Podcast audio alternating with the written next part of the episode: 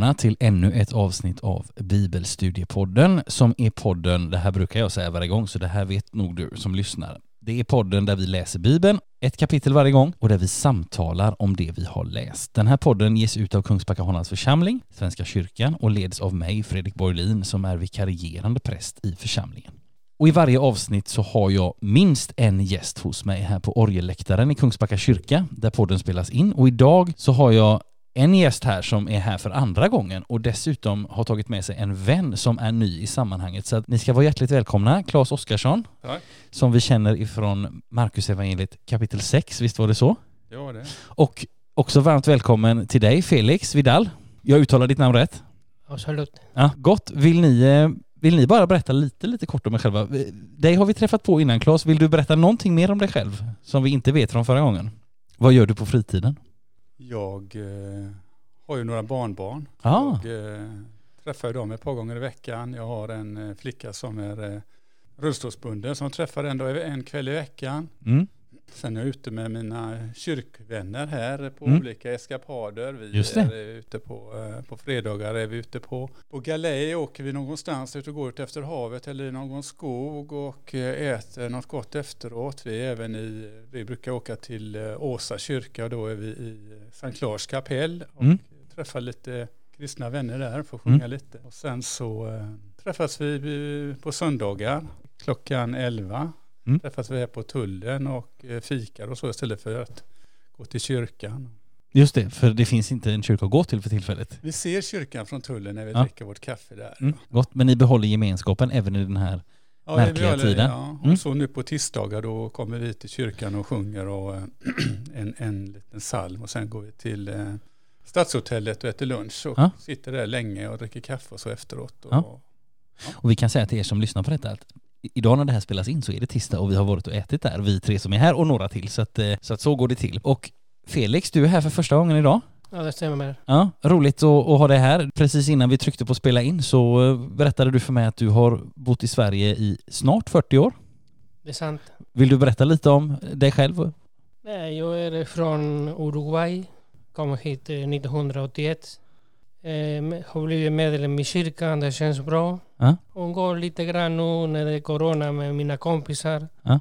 Vi kommer här till kyrkan, läser bibel, umgås lite och försöker hjälpa varandra med det lilla vi kan. Ja. Det har slagit mig som är ny här i Kungsbacka och liksom kommer hit under en väldigt speciell period att, att det finns en väldig omsorg och gemenskap också, att det tas initiativ, att vi försöker ses på lite andra ställen och sådär. Och det, det har jag hört många som har sagt och det tycker jag det låter, ja, det låter gott. Det tycker jag är ett friskhetstecken i en församling. Gott. Vi, vi ska göra som så att vi ska röra oss från vilka vi är och dyka ner i, i Bibeln. Idag ska vi läsa Johannes evangeliet kapitel 2. Men jag tänker att vi gör som vi brukar göra innan vi börjar läsa och eh, lägger ut texten. Så bara kort ber vi. Låt oss be. Kära Herre, så ber vi dig att du öppnar ditt ord för våra hjärtan och våra hjärtan för ditt ord. Amen. Amen. Amen. Då ska vi börja och nu är vi liksom, skulle man väl kunna säga, igång med Johannes evangelium. Från förra avsnittet när vi läste första kapitlet så minns du kanske lite av hur Johannes inledde sitt evangelium. Han börjar verkligen från allra, allra första början. I begynnelsen var ordet, så börjar Johannes evangeliet och sen så låter han Johannes döparen framträda och sen så efter det Jesus så dyker han liksom upp och han döps och han samlar sina första lärjungar. Så det har hänt så här långt i Johannes evangeliet och från förrförra avsnittet när vi hade lite mer en allmän inledning till Johannes evangeliet så minns du kanske detta med de, de här sju sjutalen, olika serier av saker som blir lite som röda trådar som hjälper oss att liksom binda samman Johannes evangeliet och delar av några av de här trådarna dyker upp i dagens kapitel.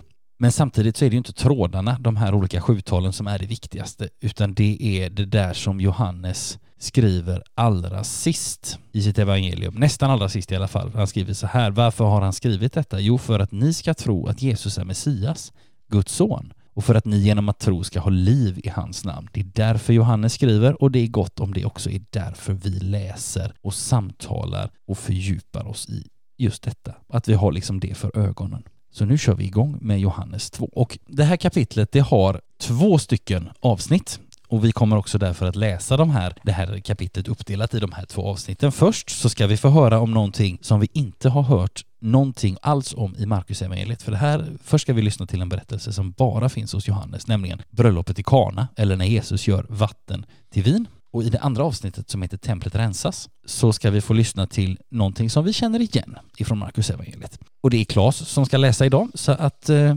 varsågod och läsa den första avsnittet Claes. Tack. Bröllopet i Kana. På tredje dagen hölls ett bröllop i Kana i Galileen och Jesu mor var där.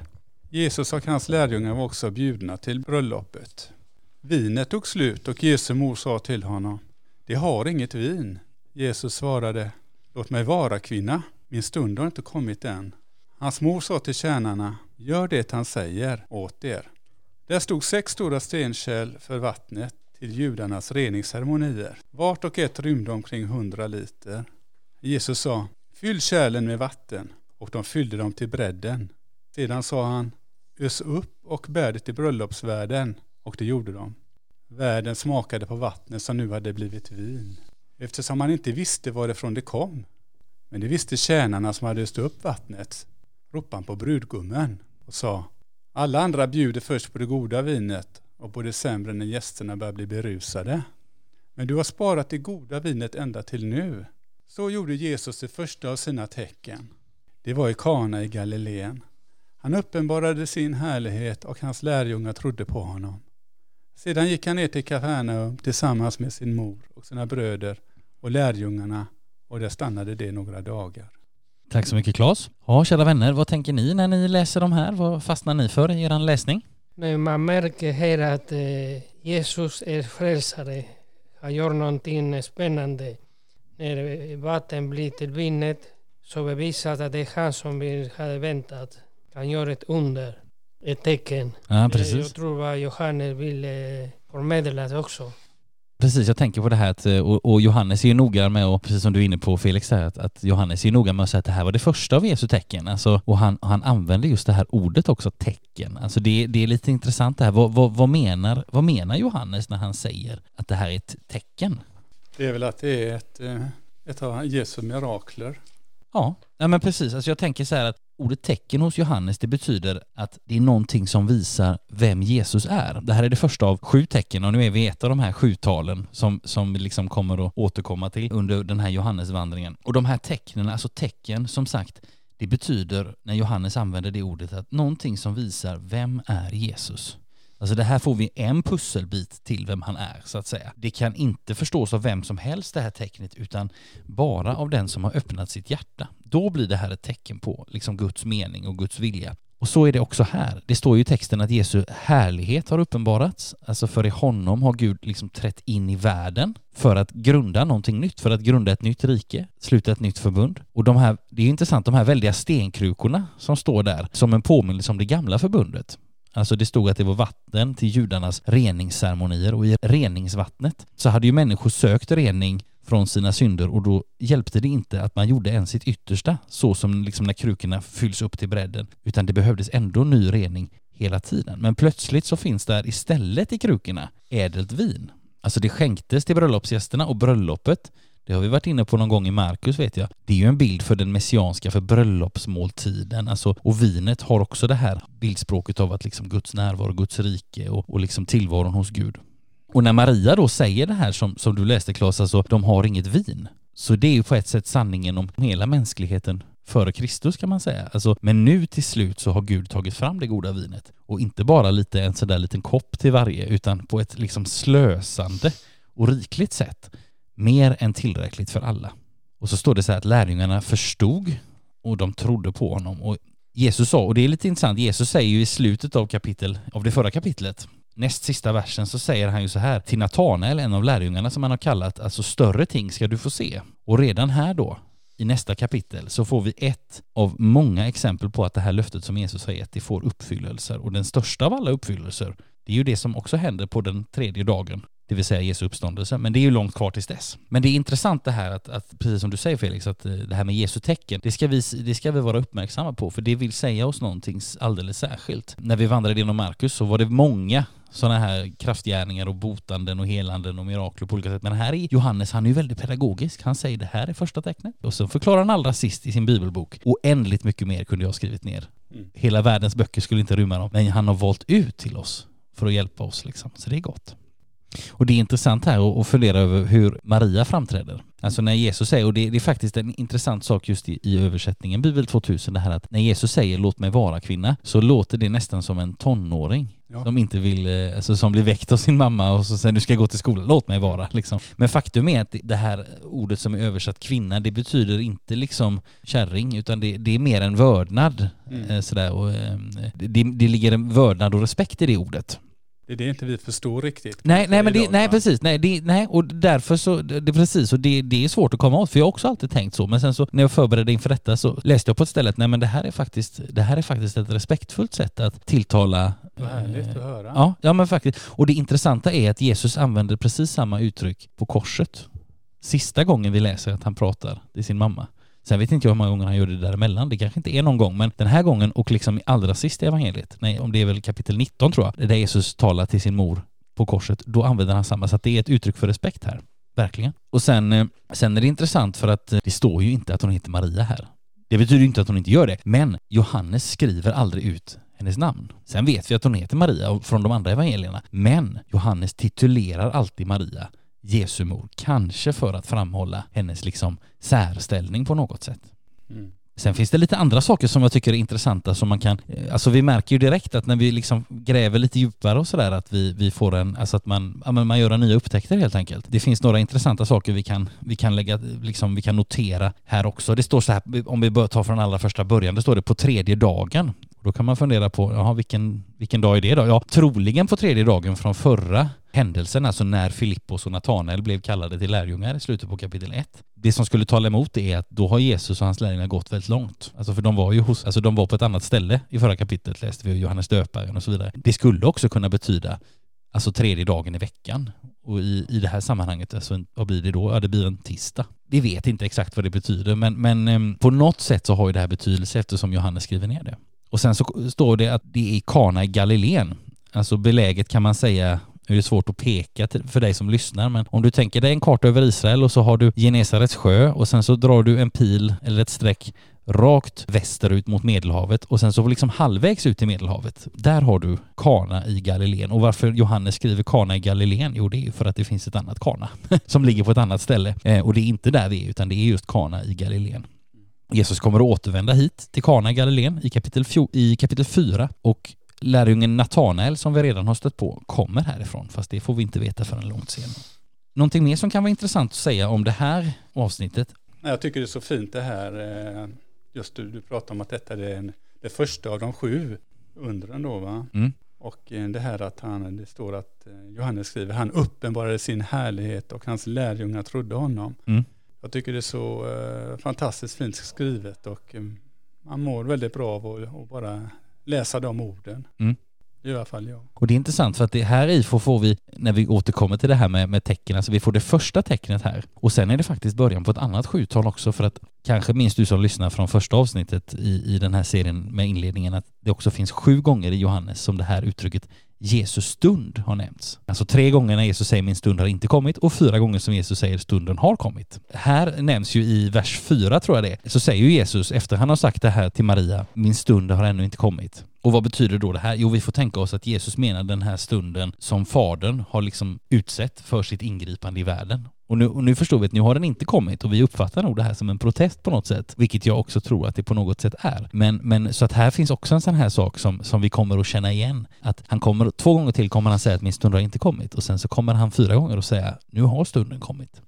Sen är det intressant när vi, när vi tittar vidare genom de här verserna att vi läser om de här kärlen, alltså där vattnet finns från första början. Alltså vi läser att det är stenkärl och det är lite märkligt för att det vanliga i, i Mellanöstern på den här tiden var ju att man hade krukor, alltså stora krukor och bränd lera helt enkelt. Men till just reningsvatten använder man stenkärl och det har att göra med att om saker kom ner i dem, alltså någon ja, någon död ödla eller någonting skulle hamna där så blir inte stenmaterialet orent på samma sätt som krukor. Du som har följt podden ett tag, du minns att vi har tagit upp det här med rening tidigare. Alltså Markus som vi har läst innan, han förklarar ju hur, hur viktigt det här är för judarna med renlighet och att rena sig. Alltså i, i Markus 7 så läser vi så här, fariseerna och alla andra judar håller fast vid fädernas regler och äter aldrig utan att ha tvättat sig om händerna. Och när de kommer från torget äter de inte utan att ha badat sig rena. Det finns också många andra traditioner som de håller fast vid, som att skölja bägare, kannor och kittlar. Alltså det, det här är en väldigt viktig sak. Så att det är inte, Jesus använder inte vad som helst här, utan han använder kärlen med vattnet till reningen. Och vi förstår att det är mycket, alltså på det här att Gud också slösar. Alltså det, det är inga små karaffer, utan det är omkring 600 liter står det. Alltså ordagrant så innehåller varje kärl två eller tre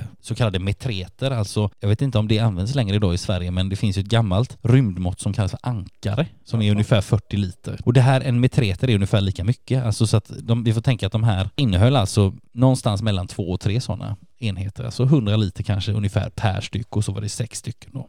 Men blev inte brudgummor och de här eh, väldigt förvånade att Jesus hade gjort vatten till vin just i stenkärlen som var gjorda för reningen. För jag tänker, normalt sett så, och det vinet de hade innan som tog slut, det ja. var naturligtvis sådana här eh, gjutna amforor. Ja, det kan det mycket väl ha varit, ja.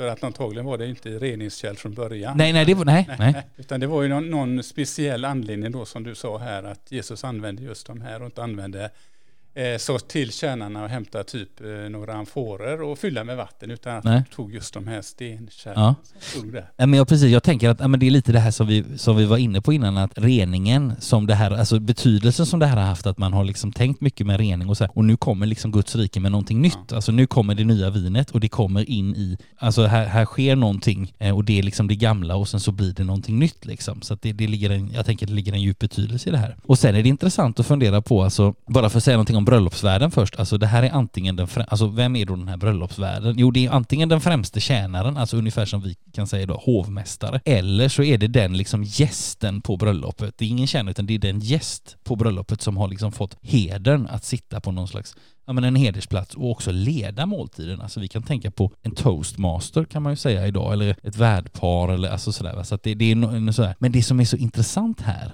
det är ju att vi läser ju inte att folk fattar vad som händer. Alltså det står, kan vi se, vad står det här nu i vers, och jag kan läsa från vers 8 så här. Sedan sa det Jesus, ös upp och bär det till bröllopsvärden och det gjorde de.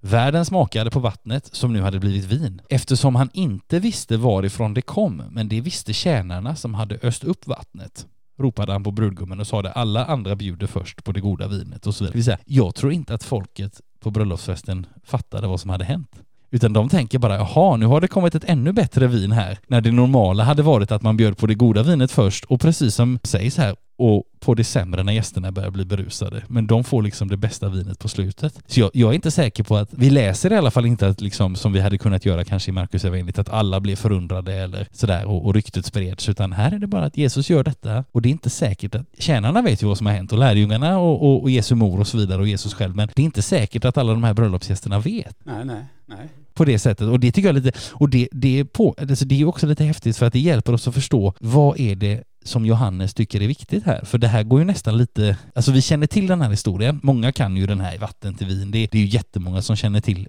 den här, det här undret liksom. Men på ett sätt så hamnar ju faktiskt själva undret i bakvattnet. För vad Johannes verkligen vill visa, det är ju istället det som vi läser, tänker jag, i vers 11. Nämligen det här att så gjorde Jesus det första av sina tecken. Det var i Kana i Galileen han uppenbarade sin härlighet och hans lärjungar trodde på honom. Alltså han sammanfattar på slutet av den här berättelsen kan man säga det som är viktigast. Precis lite som han sammanfattar hela evangeliet på slutet när han kommer med den här nyckelversen som är liksom nyckeln till alltihop. Men det, det är fascinerande att tänka på att, att frågan är om, de, om liksom festen bara fortgick och ingen, ingen fattade utan Jesus räddade lite ansiktet på de här kanske är mycket för att sammanfatta överhuvudtaget. Jag ja. I början här, första versen, eller första kapitlet här i, eh, sammanfattar hela begynnelsen. Ja. Också. Absolut. Han vill ha med det liksom ja. eh, i en grej här då, och sen då fortsätta och så kommer vi till det här nu då med bröllopet i Kana, då ska jag sammanfatta också. Om, om vi skulle gissa lite grann, om vi nu tänker, vi tänker så här att låt säga att faktiskt alla gäster fick reda på detta och, och de började liksom ryktet sprida sig och så. Då tror jag att Marcus, hade, han hade direkt berättat att eh, alla blev förundrade och så. Och det är möjligt att det hände, men, men Johannes han berättar inte om det, utan han, han plockar fram något annat och säger det här var det första tecknet, lärjungarna trodde på honom. Alltså det, jag tycker det är häftigt att se hur olika de är, för det är lätt att vi bara tänker ja det finns fyra evangelier och de berättar samma sak. Nej, det gör de inte. De har olika ärenden liksom, och de hjälper oss att förstå. Johannes är väldigt annorlunda mot de andra Ja. tycker jag. I, Ja. med, I och med det att han det skrev så pass sent också, så många år efter de andra. I princip efter det att eh, efter år 70 när judarnas diasporan hade, redan hade infunnit sig Ja, så var ju detta efteråt liksom och eh, de hade blivit, eh, de fick ju inte gå i synagogorna heller de kristna nej. vid denna tiden. Nej men precis, och jag, och jag tänker att, eh, som du säger, att, att jag tror också att, att Johannes har, han har känt till vad de andra har skrivit. Han gör medvetet någonting annorlunda. Liksom. Och det har vi också tagit upp lite tidigare. Varför skriver Johannes? Jo men han har en lite annan ingång liksom. Han har en annan ingång ja. Ja. Han, han behöver liksom inte spara på krutet, han behöver inte liksom vara rädd för vad ska, de, vad ska judarna säga nu, kommer vi få gå i synagogan om jag skriver detta, utan här kan Nej. han ta ut svängarna och verkligen tala om att eh, som, som Jesus säger, jag och Fadern är ett till exempel, Ja, som ja. kommer senare i Johannes evangeliet. Och han vågade verkligen skriva så som han, eh, som det var. Ja, ja men det är precis, alltså det hjälper oss och det är också därför tänker jag som det är rimligt att nu har vi jobbat med, med Marcus här i det här formatet och nu kan vi jobba med Johannes för de kompletterar varandra så mycket liksom. Absolut. Så att det, är- ja, det är gott. Ja, vi har ju ett avsnitt till vi ska läsa som handlar om, och det är ju någonting betydligt mer välkänt för, du, för dig som har lyssnat också på Markus-avsnitten, nämligen det här att Jesus rensar templet. Och i Markus så kommer detta Jesus sista vecka och nu kommer det allra först och vi ska prata lite om hur det kan hänga ihop och vad det kan betyda. Men jag tänker vi ska börja med att lyssna till själva texten. Judarnas påskfest närmade sig. Jesus gick upp till Jerusalem. I templet stötte han på de som sålde oxar och får och duvor och de som satt där och växlade pengar.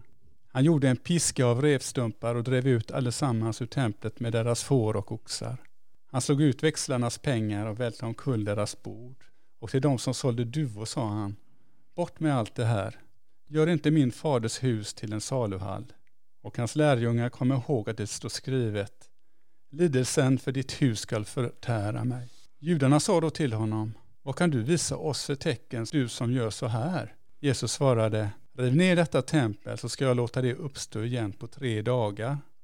Judarna sa, i 46 år har man byggt på det här templet och du ska låta det uppstå igen på tre dagar. Men det tempel han talade om var hans kropp. När han sedan uppstod från de döda kom hans lärjungar ihåg att han hade sagt detta och de trodde på skriften och på ordet som Jesus hade sagt. Medan han var i Jerusalem under påskhögtiden kom många till tro på hans namn när de såg de tecken han gjorde. Men själv anförtrodde sig Jesus inte åt dem eftersom han kände dem alla och inte behövde höra någon vittna om människan. Han visste av sig själv vad som fanns i människan. Tack så mycket Claes. Ja, vad säger ni båda om, om de här eh, verserna? Felix, vad tänker du på något särskilt? Nej, jag tror att här Jesus ville visa någonting. Det är någon symbolisk grej som han gör. Det är han som är auktoritet Mm. och säger till att eh, templet, det är för att be, Mm. lyssna på Guds ord och de andra ska vara bort. Mm. Det är en symbolisk grej och Mm. mycket viktigt den Mm. kapitel att förstå att, eh, vem han är. Absolut. Vad tänker du Claes här? Det är detta eh, med, eh, bryt ner detta tempel på tre dagar och, Mm. och eh, han tänkte då på sin egen kropp och korsfästelsen som om några år skulle ske. Han visste alltså redan sitt öde här, Mm. fast det kanske var tre, fyra år innan korsfästelsen. Och eh, om vi tittar på det sista här då eh, med eh, men själv anförtrodde sig Jesus inte åt dem eftersom han kände dem alla och inte behövde höra någon vittna om människan. Han visste av sig själv vad som fanns i människan. Och det var väl detta att som gudom som han var så kände han till alla människans varanden till 100 procent. Ja, just det. Allting var upplyst inför hans blick. Ja. Inget låg fördolt. Han behöver inte undra över något vad det gäller människans natur.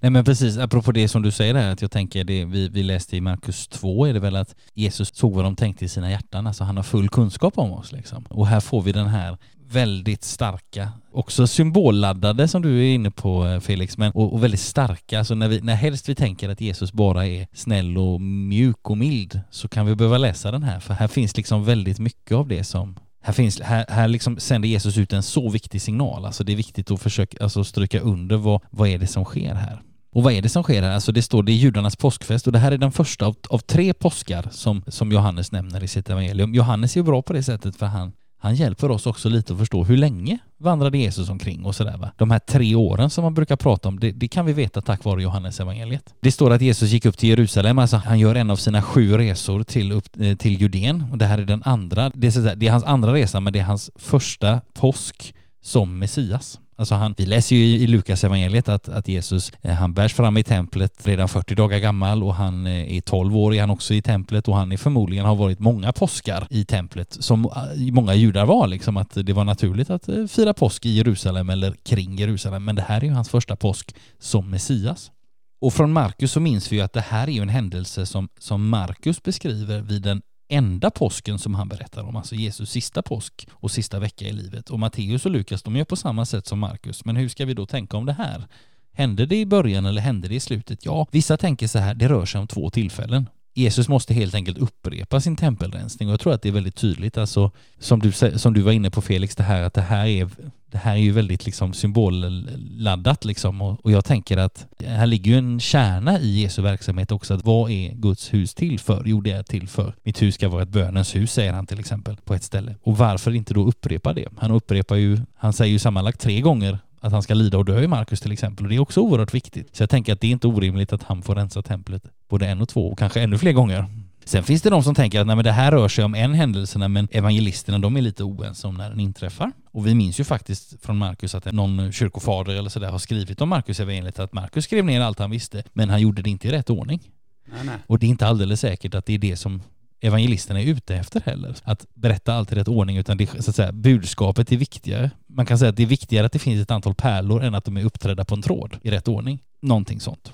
Och sen så utspelar sig den här, eh, det står att Jesus, och det här är lite intressant, det står att Jesus han knöt ihop en piska av repstumpar. Alltså i någon gammal översättning jag hittade så står det att det är ett gissel, men det är en dålig översättning. Dels för att eh, det här är en piska av repstumpar och man fick dessutom inte ha vapen i templet. Det är ju lite som med, med kyrkan, har ju vapenhus, även om vi väldigt sällan går omkring och ska kanske heller inte gå omkring med vapen. Men, men så att säga, de har ju haft en funktion en gång och man fick heller inte ha vapen i, i templet. Däremot så fanns det ju massvis med djur i och kring templet som skulle offras och de var ju bundna med rep så att, att det fanns gott om repstumpar liggandes det kan vi vara ganska säkra på. Och sen är det ju lite taktiskt när vi läser här att Jesus han drev ut, det står ju så här. Han gjorde en piska av repstumpar och drev ut allesammans ur templet med deras får och oxar. Det är ganska smidigt och eh, om man liksom förmår få ut djuren då brukar, när djur är lösa, då brukar djurens ägare vakna mm. och vilja fånga in dem igen. Så det var ganska taktiskt att, så att säga, få ut dem också. Och sen så går liksom det här över i någon slags, vad man ibland kallar för legitimationsunder. Alltså fariseerna, eller judarna som det står, men alltså de judiska ledarna betyder ju det Johannes. De vill ha ett tecken. De säger så här, vad kan du visa oss för tecken, du som gör så här? Och det är klart att Jesus gör ju ett väldigt anspråk när han liksom säger de här orden från Psaltaren 69, lidelsen för ditt hus ska förtära mig och så driver han ut folk. Och då vill ju de ha ett tecken och Jesus svarar ju med det här lite märkliga som Johannes sen förklarar är att nej men det är sin egen kropp han menar. Alltså de judiska ledarna vill ha ett tecken och som alltid när de begär tecken så får de inte det. Alltså det finns ju många fler exempel på evangelierna att människor begär tecken men de får inte det. Och, och, vi förstår att de missförstår för de säger så här i 46 år har man byggt på det här templet och du ska låta det uppstå igen på tre dagar. Ja, fast det var ju inte det templet eh, som Jesus pratade om. Men det är intressant det här, alltså templet, det har vi också varit inne på tidigare. Men vi kan bara kort påminna oss, alltså Herodes den store som är kung, han började bygga på det här i sitt 18 regeringsår, alltså 20 före Kristus och Jesu första tempelrensning inträffade alltså troligen 27, 28, 29, kanske 30 efter Kristus, någonstans där. Hur kan vi veta det? Ja, man får liksom räkna och lägga ihop på olika sätt. Alltså Lukas 3 berättar att Johannes döparen framträdde 15 året i kejsar Tiberius regering och det vet man, det är hösten år 28. Och sen är då frågan, innebär det att ja, nu är det då 29 för nu är det våren, eller är det så att det som vi har läst om innan i Johannes evangeliet, det var det som hände under år 29 och nu är det år 30? Ja, vi vet inte. Alltså, vi behöver inte veta 100% men, men det finns liksom pusselbitar vi kan liksom plocka in från olika håll för att liksom försöka i alla fall att lägga det här pusslet. Och vi vet faktiskt heller inte hur noga de judiska ledarna har räknat, eller hur de har räknat när de säger att man har byggt på det här templet i 46 år. Alltså hur exakt är den siffran? Och det egentliga bygget som ju då började långt tidigare, det började ju också med att man liksom Det var ett jättearbete att liksom utvidga tempelplatsen för Herodes den store han byggde ju liksom ut templet och det blev ju otroligt stort och otroligt påkostat och dyrt liksom. Men det var också ett väldigt, väldigt stort förberedelsearbete. Så att eh, vi vet inte exakt de exakta tidsangivelserna här. Men vad vi däremot vet är att templet är ju inte klart när det här skrivs. Alltså det blir klart först 63, då är det helt, helt färdigt. Så att det här är ju någon typ av byggarbetsplats, även om det kanske är, det var kanske nästan klart, men som ni vet ibland när man går på en invigning så är det klart, fast de har glömt att sätta upp skyltarna. Eller alltså, så att det, det, det, hur mycket byggarbetsplats det är, det vet vi inte, men det är inte klart, utan det är lite jobb kvar och det står klart, helt klart, år 63 och så får det stå i sju år. Och sen så rivs ju, eller förstörs ju templet av romarna som ett svar på ett upp, judiskt uppror. Men, men det är ju lite två olika saker som de pratar om här. Jesus talar om det tempel som är hans kropp och de judiska ledarna de förstår inte riktigt det. Ja, Claes, vad tänkte du på?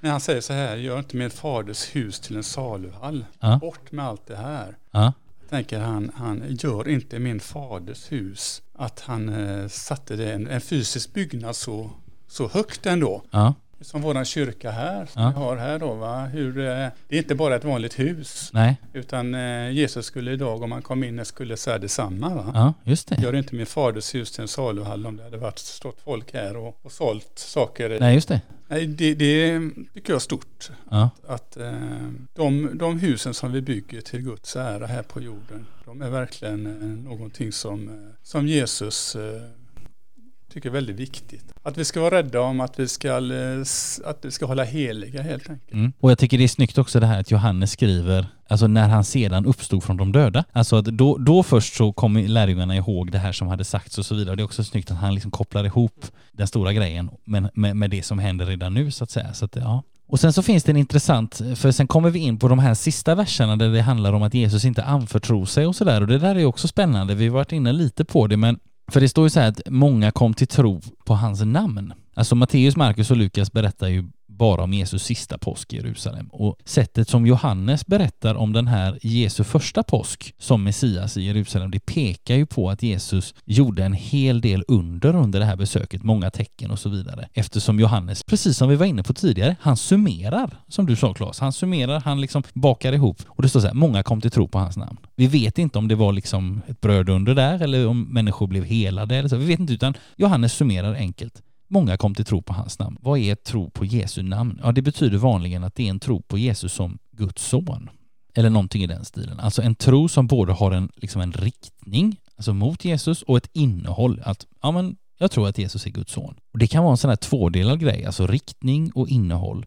Det kan vara en sån där tvådelad grej också för oss att fundera kring. Ofta är vi människor väldigt upptagna med trons styrka. Det tror jag ofta människor tänker på. Har jag en stark tro? Har jag en, en svag tro? Eller sådär. Och speciellt när vi läser ibland i evangelierna att Jesus inte berömmer, men han kommenterar och säger att den här kvinnan har en stark tro eller den här officeren är det på ett ställe och sådär har en väldigt stark tro. Och då är det lätt att vi liksom tittar på oss själva och frågar, har, har vi det? Har vi en stark tro? Men viktigare än styrkan, det är ju faktiskt trons riktning, att den riktar sig mot Jesus.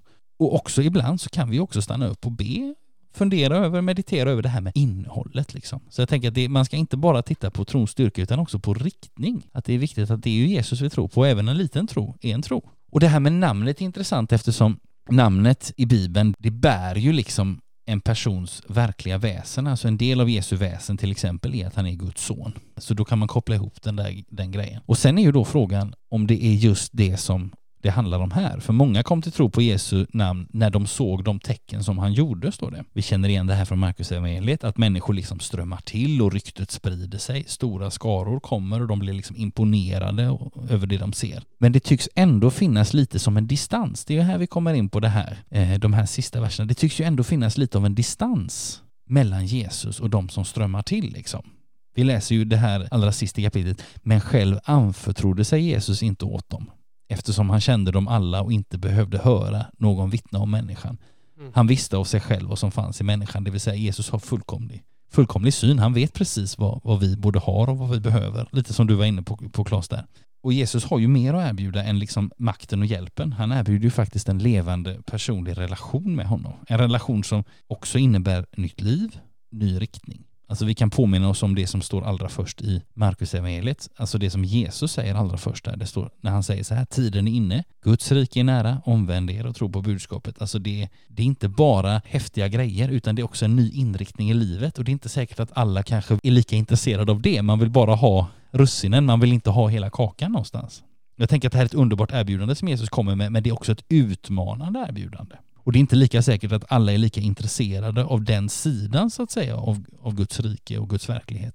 Men det är dit, till den tron, som Jesus vill föra oss, där vi liksom tryggt och säkert och lugnt liksom kan famna, inte bara russinen, utan kan famna hela honom. Det är dit som Gud vill föra oss och det är också för den sakens skull som Johannes skriver. Och det är därför tror jag också som Johannes har betonat, vi har ju hört både i det här avsnittet, det står i vers 22, när han sedan uppstod från de döda kom hans lärjungar ihåg att han hade sagt detta och de trodde på skriften och på ordet som Jesus hade sagt. Alltså lärjungarnas tro betonas här och i bröllopet i Kana så står det också, så gjorde Jesus det första av sina tecken, det var i Kana i Galileen. Han uppenbarade sin härlighet och hans lärjungar trodde på honom. Mm. Alltså Johannes betonar att redan två gånger bara i det här kapitlet, lärjungarnas tro. Och när Jesus då är lite reserverad här gentemot de andra skarorna så förstår vi att ja, det kanske inte fanns den öppenheten också för verkligen för trons relation, utan det var lite det här som vi kan känna igen från andra ställen från Markus och så vidare, det här med fascinationen, vad händer här? Lite nyheter. Men det är liksom tron som är det viktiga, det betonar Johannes gång på gång. Och det, det är till den relationen som Gud vill föra oss, till den relationen med honom och med Jesus. Och det är också för den sakens skull som Johannes skriver sitt evangelium. Vi kan läsa den där nyckelversen igen som Johannes använder. Men dessa, alltså allt det här som Jesus har gjort, har upptecknats för att ni ska tro att Jesus är Messias, Guds son, och för att ni genom att tro ska ha liv i hans namn. Så tron är viktig. Har ni något mer som ni tänker på, kära vänner? Annars kan vi bara säga, eh, om inte du har något mer Claes? Eh, nej. Men då ska vi göra så att vi ska gå in för landning. Två avsnitt har vi läst. Vissa saker börjar liksom framträda lite granna. Eh, vi är, är än så länge bara väldigt mycket i början av den här vandringen, men ordet tro tror jag vi kan ta med oss i, ifrån det här kapitlet och lärjungarnas tro som har betonats. Och så ska vi hela tiden se detta kopplat till Johannes nyckelvers som handlar om att också vi ska få del av den tron. Stort tack till er båda, Claes på återbesök och Felix här för första gången. Så gott att göra detta tillsammans. Nu har jag babblat mycket idag men jag, det är gott att vi har varit här och, och tillsammans och gjort detta. Också stort tack till dig som lyssnar på detta. Tills vi hörs nästa gång så önskar vi härifrån orgelläktaren i Kungsbacka kyrka så önskar vi dig som lyssnar allt gott och Guds rika välsignelse. Hej då! Hej då. Hej då.